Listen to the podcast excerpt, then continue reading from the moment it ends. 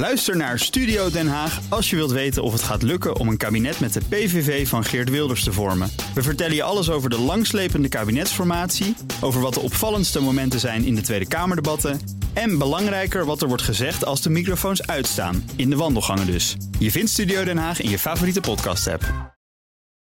BNR Digitaal wordt mede mogelijk gemaakt door Orange Cyber Defense. Orange Cyber Defense. Build a safer digital society. BNR Nieuwsradio. Digitaal. Herbert Blankenstein. Welkom bij BNR Digitaal. Vorige week werd het coalitieakkoord gepresenteerd in Den Haag. Nu is formateur Mark Rutte bezig om zijn nieuwe kabinet samen te stellen. Daarin komt geen minister voor digitalisering, maar wel een staatssecretaris met die post. Daarover praten we straks met Michiel Steltman van de Stichting Digitale Infrastructuur Nederland. Nu al hier. Welkom, Michiel. Goedemiddag. En uh, nu eerst Log4j. Drie weken terug had nog haast niemand ervan gehoord. Nu maakt een bug in deze logging software duizenden systemen kwetsbaar voor cyberaanvallen. Om ons technisch hier te brieven is hier Ralf Monen, technisch directeur van cybersecurity bedrijf Secura. Dag Ralf. Hi, hallo. Uh, nou, maar met de deur in huis te vallen, uh, hoeveel gevaar lopen we? Um nou, een van de moeilijke dingen is dat dat uh, dus lastig te zeggen is. Um, hoeveel gevaar lopen? In principe um, vrij veel omdat dit een veelgebruikte component is.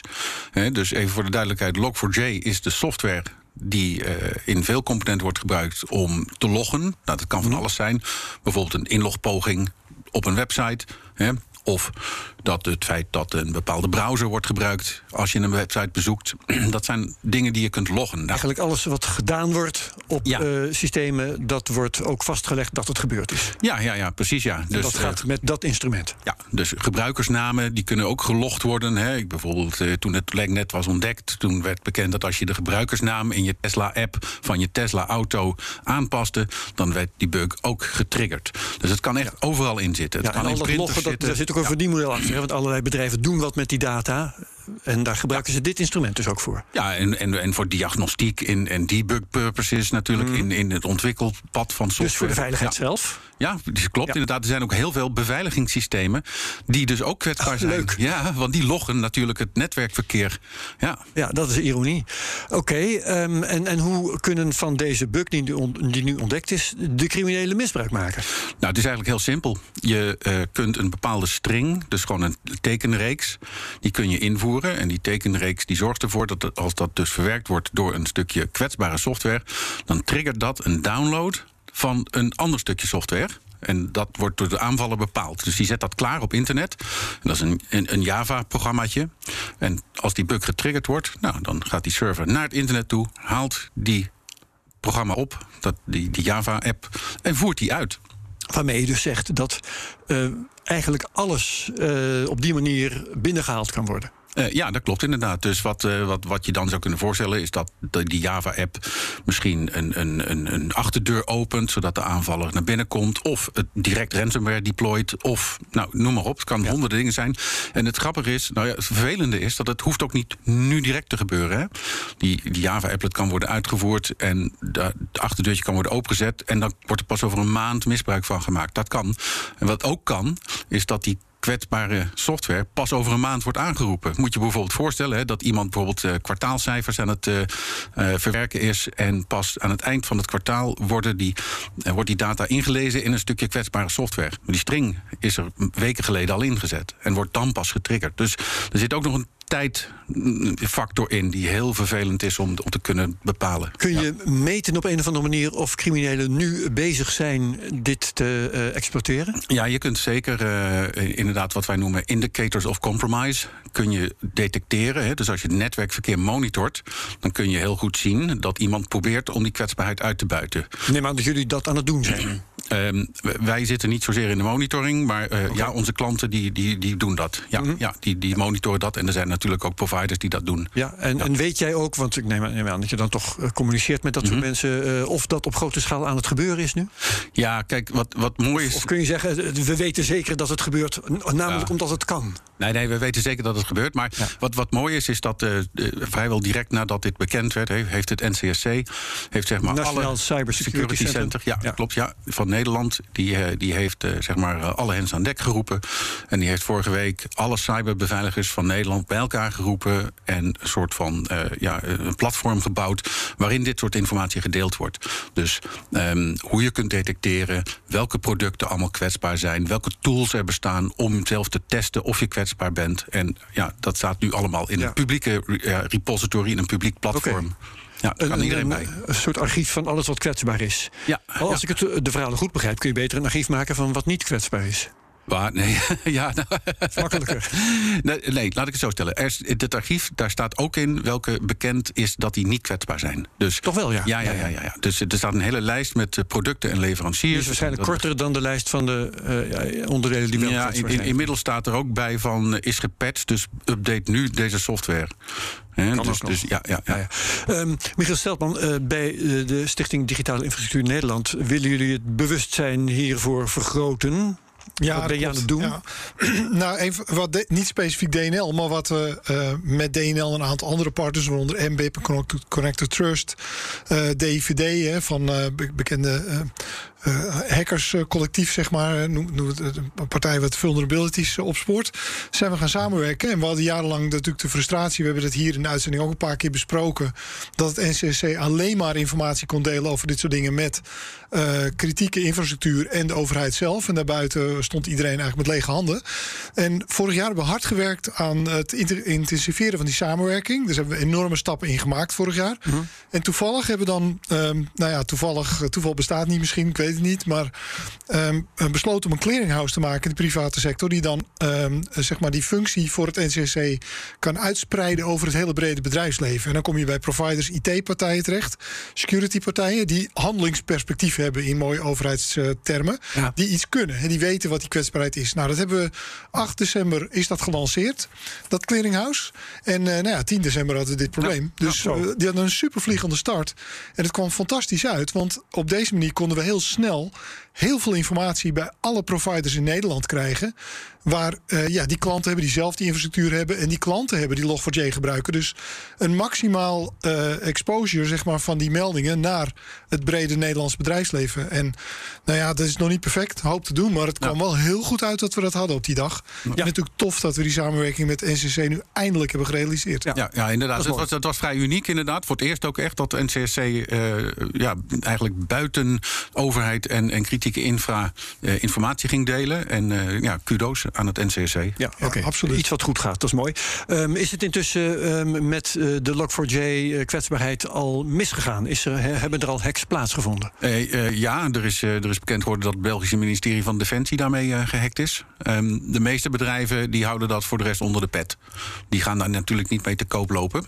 Ehm, wij weten dat het gebeurt. Hè, maar maar ja, het, ja, dat wordt niet gepubliceerd. Nee. Ja, nee. En, en wat eh, gebeurt er dan? Worden er data gestolen? Worden er data veranderd? Eh, wordt er ransomware geïnstalleerd? Ja, eh, er zijn inderdaad ransomware-actoren die deze aanval nu ge- gebruiken om hun ransomware inderdaad bij bedrijven in te zetten. Ja, klopt. Ehm, wat je ook kunt voorstellen is dat ze dus een achterdeur openzetten om op later tijdstip weer binnen te komen. Dat maakt het nog vervelender om te detecteren ook, want dan is er geen echt direct oorzaak-gevolg. Je ziet dat Ja. iets gebeurt, maar mm, wat gebeurt er nou precies? En dus je kan het wel detecteren op het moment dat het gebeurt, maar als je een paar dagen later komt, dan zou je dus een digitaal sporenonderzoek moeten gaan doen op zo'n server om erachter te komen of het wel of niet is misbruikt. En dat is heel lastig. Dat kost heel veel tijd. Ja. Ehm, waarom, eh, waar- waarom is er zo groot... Je noemde zelf net ook, eh, het was alle hens aan dek. Mhm. Ehm, waarom is er zo groot alarm geslagen? Eh, gaat er nu een golf aanvallen komen? Is dat inderdaad de verwachting? Ja, het is wel de verwachting dat er een golf ransomware aanvallen aankomt. En, en, en waarom is Speciaal het... ransomware, omdat dat, Nou ja, dat makkelijkste verdienmodel. Ja, dat is het ja, makkelijkste verdienmodel. En, en bovendien, deze kwetsbaarheid is zo ongelooflijk makkelijk te misbruiken. Echt, iedere kleuter kan het. ja, het is echt heel erg. ja.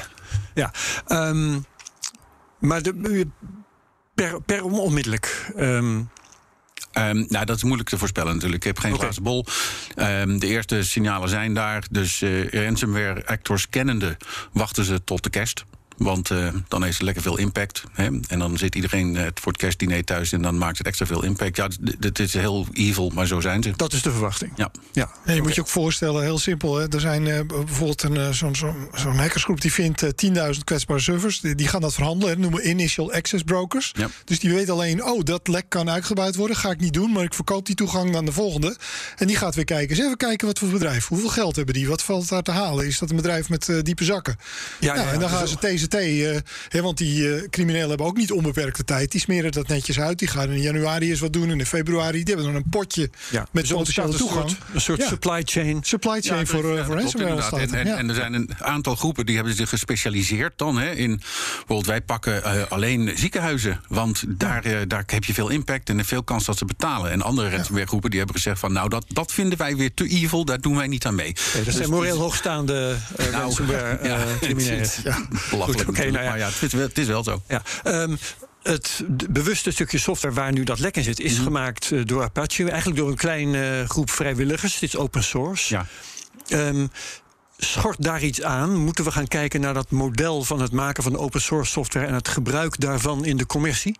Nou, laat ik ten eerste zeggen dat het niet zoveel te maken heeft met of het open source is of niet. Nee? Eh, Het heeft te maken met dat het dus inderdaad gemaakt is door vrijwilligers op onbetaalde basis. Ja, nou, maar dat En- vaak, eh, komt vaak Dat is, overeen. ja, ja, precies. Ja. Maar het heeft dus op zich niks te maken met of het open source is. Niet per se, nee. Nee. Ehm, Daarnaast, ehm, dit gebeurt natuurlijk wel vaker. Hè. We hebben bijvoorbeeld een andere softwarecomponent die heel veel gebruikt wordt voor eh, versleutelde verbindingen, OpenSSL. Ja.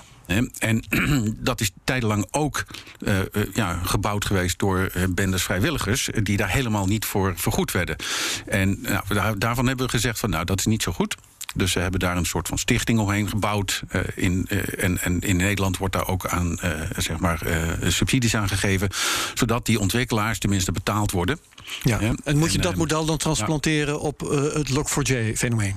Ja, maar dan wordt de vraag natuurlijk, ja, dat kan zeker. Ja. Maar de vraag wordt van, ja, wat voor andere software is er nog meer die daarvoor in aanmerking komt? Want het is natuurlijk maar één component. Er zijn heel veel van dit soort componenten die door open source ontwikkelaars worden bijgehouden. En waarvan we eigenlijk helemaal niet weten of die kwalitatief wel of niet secure zijn. Dat weten we niet. En, en dan kan je wel zeggen van het is open source, dus je kunt het gaan bekijken en je kunt het onderzoeken en je kunt kwetsbaarheden gaan zoeken. Nee, maar het gaat Maar meer om het. niet. Nee, maar het gaat meer om het eh, eh, helpen eh, betalen van de mensen die het Dat, maken. dat, ja, dat, dat, dat is een stap. Maar de Ja. tweede stap is natuurlijk dat de software die dan gemaakt wordt... ook moet worden geaudit, moet Oh ja. worden bekeken... en er moet dan gekeken worden of daar kwetsbaarheden in zitten. En die stap is nog Ja. helemaal niet gemaakt. Mag ik een voorspelling wagen voor 2022? Ja, Want doe maar eens. Zo kort, dat is precies dit onderwerp dat ik merk eh, uit, allerlei discussies. Kijk maar op Twitter en noem het maar op en zo. En in de, dat de aandacht voor de kwaliteits- en veiligheidsaspecten van open source volgend jaar echt gewoon de aandacht van reguleerders en Dus politici legt, krijgen. jij legt Absoluut. wel het verband met open source. Ja, ja, zeker. Niet dat open source slecht is, maar dat Ja. Eh, het, het ongereguleerde karakter en de, de, de garanties en de zekerheid die je van software moet hebben, dat wordt een thema. Dat wordt Ja, een dat onderwerp. ik. Maar dan, maar dan sluit ik daarbij ook aan dat de vendoren, hè, dus de commerciële partijen, hè, de, de, die software verkopen, dat je daar ook best wel wat verantwoordelijkheid mag neerleggen. En, maar dat en- loopt al. Die programma's eh, Secure Software, maar goed, een andere Ja. uitzending denk ik. Maar daar, zijn, daar is al Maar redelijk wat aandacht liable, voor. hè? Ze zijn nog niet liable. Nee, nog dus niet. Je kunt, ze niet, je kunt ze niet aansprakelijk houden nog voor softwarelekken. En dat zie je dus bijvoorbeeld bij die SolarWinds hack van, eh, eh, van afgelopen zomer. Ook van 2021. Ja, ja, ja, precies. Ja, ja, er zijn veel, erg veel incidenten geweest dit jaar. Ja. Maar daar zou je van denken: van, nou ja, kun je dan zo'n vendor niet daarvoor aansprakelijk stellen? En hoe zit het dan verder in de supply chain? Als die weer een component gebruiken van iemand anders, eh, kun je die niet aansprakelijk stellen? Dus daar, moet wat, kort. daar moet wat over. Ja, ehm, er zijn nu allerlei patches eh, alweer uitgebracht. Ja. Eh, Mhm. Is de kwestie nu opgelost of is het gevaar eh, nog altijd aanwezig? Nou, de- deze kwestie lijkt opgelost als je dus geüpdate bent naar de nieuwste versie. Ehm, gebruik je nog oudere versies, dan zit zelfs in de eh, versie 1 zitten ook kwetsbaarheden. Niet deze, maar wel andere. Ehm, en, Maar je en weet vaak niet wat het- je moet ja. op de. Want eh, eerder vertelde je, er zijn zelfs printers mogelijk waar dit in zit. Ja, die En- gebruiken ook Java, dus ja, daar zit ja, ook logs Dus je, voor. je Ja. weet soms niet eens wat je moet gaan repareren. Nee, dat klopt inderdaad. En dat blijft voorlopig zo. Ja, en eh, daarnaast gaan natuurlijk ve- veel mensen gaan nu kijken naar die software. Dus ik verwacht dat er nog wel nieuwe bugs in ontdekt worden. Oké, dus het blijft een, uh, een spannend uh, veld, om het maar zo te zeggen. Ja, ja, het houdt je van de straat. En ik denk dat uh, mijn baan voorlopig wel verzekerd is. Ja. Goed, nou dat is in elk geval goed nieuws. Dankjewel voor dit moment, Ralf Molen van Secura. Maar blijf er wel bij, want we gaan het Ja, volgende zeker. onderwerp ook met jou bespreken. Herbert Blankenstein. Het nieuwe kabinet wordt nog geformeerd. Eén ding weten we al zeker: er komt een staatssecretaris voor digitalisering. Het wordt geen minister, maar wel een bewindspersoon die deze post eh, te doen krijgt. Het wordt wel een dubbele portefeuille, want eh, het wordt gecombineerd met koninkrijksrelaties. Wat moeten we daar nu weer van denken? Gaan we vragen aan Michiel Steltman. U hoorde hem al van de Stichting Digitale Infrastructuur Nederland.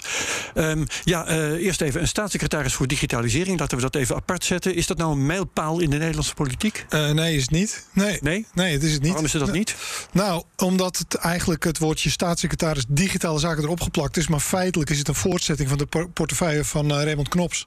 En de eerder portefeuille van ehm, eh, Frank. ehm, hoe heet hij nu? eh, Frank, die nu de NS-directeur. oh, nou, zijn naam. Ik weet- ja, ook even dus- niet. Sorry, maar Sorry, ik had het net nog paraat. Maar goed, Knops. Ehm, in de loop van dit gesprek komt het wel weer boven. Ja, kom, precies. De, die, die dat al hadden binnen Binnenlandse Zaken Ja. was digitalisering. Of digitale zaken was niet specifiek benoemd. Dat hoorde bij de portefeuille van de staatssecretaris die de overheids-ICT deed. En de ICT van het hele Rijk. Hè, de standaarden, Rijk-CIO, dat viel er allemaal onder. Ja. Eh, en dat is eigenlijk eh, ja, dezelfde post, eh, schatten we Dus in. het is Maar nu met eigenlijk de naampje staatssecretaris Ja. digitale zaken erop geplakt. Een, een wassen neus, window dressing. Ja, dat denken we wel. Helemaal zeker is het natuurlijk niet. Hè, want het is uiteindelijk aan het kabinet en aan Rutte om de, precies die, die scope te verdelen. Ja. Want ehm, Maar het idee was wel, als je nou dat fenomeen digitalisering apart zet... En je, dan kun je daar iemand opzetten met verstand van zaken. ja, Eh, dat zou nu natuurlijk ook kunnen. Hij moet alleen die koninkrijksrelaties erbij kunnen doen. Of Eh, zij. Nee. Ja, want dat was het idee. In, twee van de, in ieder geval twee van de verkiezingsprogramma's, D66 en ChristenUnie, was eh, de roep om zo'n bewindspersoon. Omdat heel veel andere landen dat al hebben. Denemarken, die hebben met verschillende scope. Maar het idee was, je hebt een, een bewindspersoon nodig met een voorzittersrol. Dus geen staatssecretaris, maar een minister. En dat was nodig, omdat je veel van die dossiers over een heleboel departementen heen gaan. Neem bijvoorbeeld encryptie. hè. Je wil, nou ja, goed. Ja, nou ja, goed. eh, ja, je hebt encryptie en eh, van alles en nog wat. Ehm, maar ehm, het is een aparte bewindspersoon. Waarom zou het een minister moeten zijn? Maakt dat zoveel verschil? Ja, want eh, je- moet wel iemand hebben aan de kabinetstafel natuurlijk, hè, die in de, in de ministerraad zit. En daar zit de staatssecretaris niet. En zo'n minister die kan eh, met een aantal collega's zo'n dossier eh, rapporteren, kan aanspreekpunt zijn voor de Kamer. Een dossier waar binnenlandse zaken, bijvoorbeeld in- toch even encryptie, hè, eh, veiligheidsdienst zit er daarbij, er zitten burgerrechten bij, er zitten economische belangen bij, er zit de nationale veiligheid bij. Dat gaat over vier departementen, misschien buitenlandse zaken. Wie is daar de woordvoerder? Dus het idee was altijd één bewindspersoon die heeft over dat soort dossiers regie, heeft het overzicht, weet wat er binnen departementen gebeurt en kan als voorzitter van een onderraad of ehm, ehm, eh, kan, kan zeg maar met een aantal van zijn collega's daar regie op voeren en regie op nemen. Dat is wat iedereen eigenlijk wilde in de sector en dan twee van de partijen. Maar eh, ja, dat heeft dus blijkbaar toch niet, eh, niet gehaald. Nee. Ehm, is er eh, nog iets positiefs te melden over het feit dat we een staatssecretaris voor digitale zaken eh, krijgen? Of helemaal niet eigenlijk, wat jou betreft? Nou ja, dat, ja wel dat, dat er eh, iets eh, meer focus op het onderwerp van de overheids-ICT. Want er is natuurlijk het nodige te doen. Hè. Sinds commissie Elias, eh, dat, Ja. dat is een, ja, een karretje wat En voortdurend... dan is het overigens is het wel een, een voorwaarde dat het een vakdeskundige wordt. Hè? En dat is ook nog maar de vraag. Ja, Omdat het en koninkrijksrelaties wordt. Nou, als het binnen BZK en overheidsdomein, dan is het toch meer bestuurlijk dan inhoudelijk. Hè, dan is er iemand die wel moet begrijpen, die vooral moet begrijpen wat de dynamiek nu binnen de overheid is tussen gemeentes, provincies, de Rijks-CIO, eh, de Logius, al die, eh, die, eh, die clubjes, ICTU en zo, die zich allemaal met digitalisering binnen de overheid bezighouden. Ja. Maar dat is meer een bestuurlijke dan een inhoudelijke kwestie. Alhoewel ik wel vind, ja, voor de overheids-ICT... nooit heeft iemand een degelijke root cause analysis gegaan... waarom die projecten nou fout gaan. En ik zou er wel voor pleiten voor een Niet de staatssecretaris... die commissie dat- Elias dan? Ja, weet je wel, nou ja, goed. De- als we Oké. die root cause moeten we er een andere keer over hebben. Want er zijn Ja. veel meningen over. Ik heb er ook wel een mening over, maar niet, niet nu, denk ik. Eh, even vanuit eh, misschien beveiligingsoogpunt, Ralf. eh, ben jij blij met een staatssecretaris voor digitale zaken of kan het jou niet schelen? Nou, het is een beetje druppel op de gloeiende plaat volgens mij. Ik, ik, Ja. ik ben het met Michiel eens dat, eh, dat het veel beter was geweest... als dat onder ministeriële ver- verantwoordelijkheid was gevallen. Ja, dat, dat hebben we nodig. Ik bedoel, het is straks 2022. eh, Nederland is wat dat betreft een, een erg gedigitaliseerd land. De afhankelijkheid is zo groot dat het absoluut de ministerspost wel, eh, wel verdient. Ja. Oké. Ehm, we kunnen nog kijken naar het coali- coalitieakkoord. Er staat Mhm. een eh, hele pagina, zelfs iets meer dan dat, eh, die gewijd is aan digitalisering. Wat is jou daaraan opgevallen? Ja, Michiel? dat is dus heel erg goed nieuws. Hè? Want dat wel moet wel gezegd worden. Ja, ik vind, hè, voor het eer- absoluut. Hè, dat voor het eerst, eh, ik heb hem genoemd als sector tel je knopen. En want dat is echt winst. We hebben jarenlang geknokt voor een aparte digitale paragraaf. Allemaal in VNO-NCW. En dat is zoals wij als sector heel bedrijfsleven wilden stond het in, in Ja, coalitieakkoorden. stond ergens onder verspreid. of zo, weet je wel. Maar nu is het ja. centraal digitalisering. De kansen staan voorop. En we moeten digitaliseren. Het staat ook onder het economische kopje. Welvaart, toekomst. Eh, het wordt gecombineerd met duurzaamheid. En daar staan hele goede dingen in. Hè, zoals de rol, dat bevalt mij zelf natuurlijk enorm. Eindelijk erkenning voor Nederland als datahub. Hè, dus het beleid komt voor de mainport. Integraal beleid op brede infra. Niet alleen maar 5G, maar ook datacenters worden ingenoemd. Hè. Hoe hangt het allemaal samen? C-kabels. Eh, samenwerking, dus die NCC-kwestie. staat er klip en klaar in. Ja, er komt ook dit een modus operandi Daar- is. Daar, daar komt ook een nieuwe wet die het eh, mandaat van het NCSC vergroot. Ja, dat, dat Dus liep al. eh, maar, ja. maar ook de, de samenwerkingsvorm. Het feit dat het multi-stakeholder is. Ja. Hè, dat wetenschap, bedrijfsleven, overheid dit samen moeten doen. Staat klip en klaar in. Echt winst.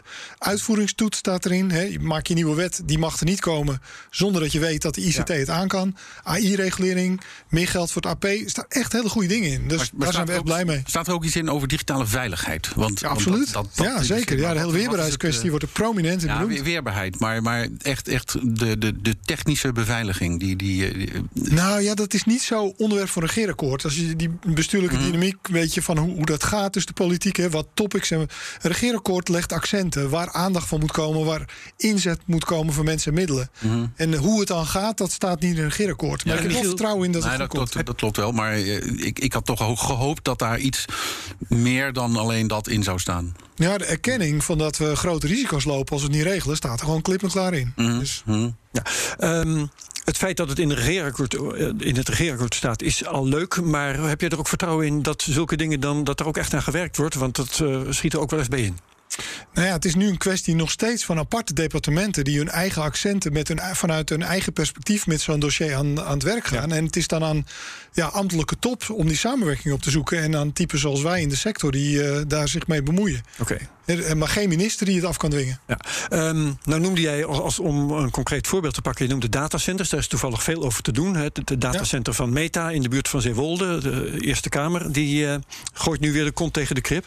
Ehm, zijn dat dingen die we nodig hebben waar, eh, vanuit jouw standpunt? Nou, absoluut. We hebben, eh of wordt datacenters gezegd- nodig hebben op regie. Er wordt gezegd, het levert eh, Nederlandse bedrijven weinig omzet op. Het levert Nederlandse me- werknemers weinig banen op. Dus wat Ja. levert het eigenlijk op? Uh, Palliser vond ik briljant. Hè? Die zei eh, van, nou is het maar goed ook dat het weinig banen oplevert. Want we hebben toch een enorme tekort op de arbeidsmarkt.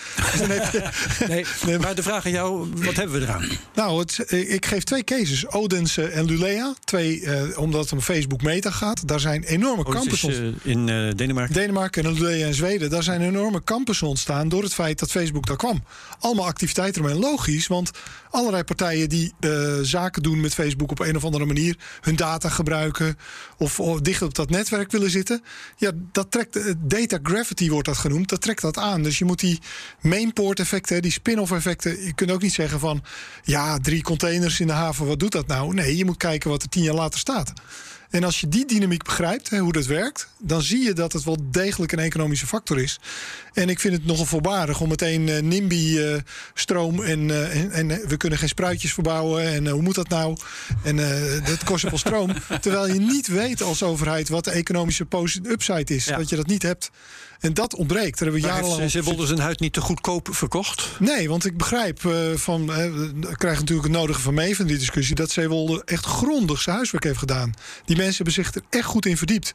En dat zelfs eh, GroenLinks zei. Nou, per saldo is het misschien toch verstandig om het te doen. Dat vind ik heel veelzeggend. En op, op landelijke afstand heeft iedereen natuurlijk een mening. Het lijkt corona wel. Hè, maar, eh, maar, maar hier heeft die gemeente wel degelijk zijn huiswerk gedaan. En laat ze dan met rust. Neem dat besluit en ga ervoor. Hè. Ja. Nou ja, dan is er weer iemand die denkt... eh, we willen misschien toch liever een distributiecentrum of zo. Tot slot, niet. Maar goed, Die, die eh, terug naar de staatssecretaris voor Digitale Zaken. Namen, wie moet het worden? Of wie zijn kandidaten wat jou betreft? nou, ik heb een NRC, ik kan wel, nou, even- ik heb een NRC eh, zo'n lijstje gezien. Ik gok persoonlijk dat het Frank Weerwind wordt.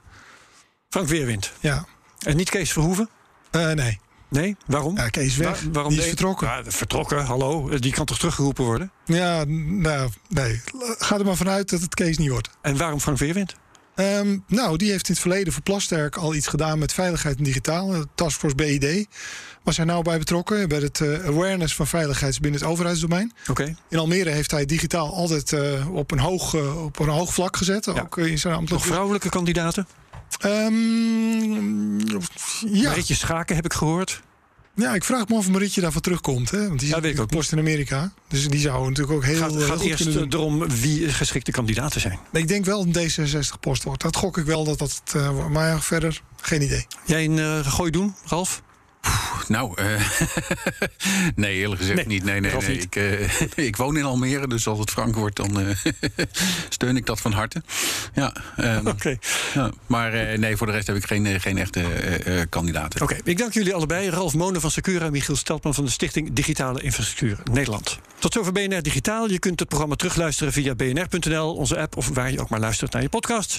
Daar vind je ook mijn andere podcasts zoals de Cryptocast, de Technoloog en Space Cowboys.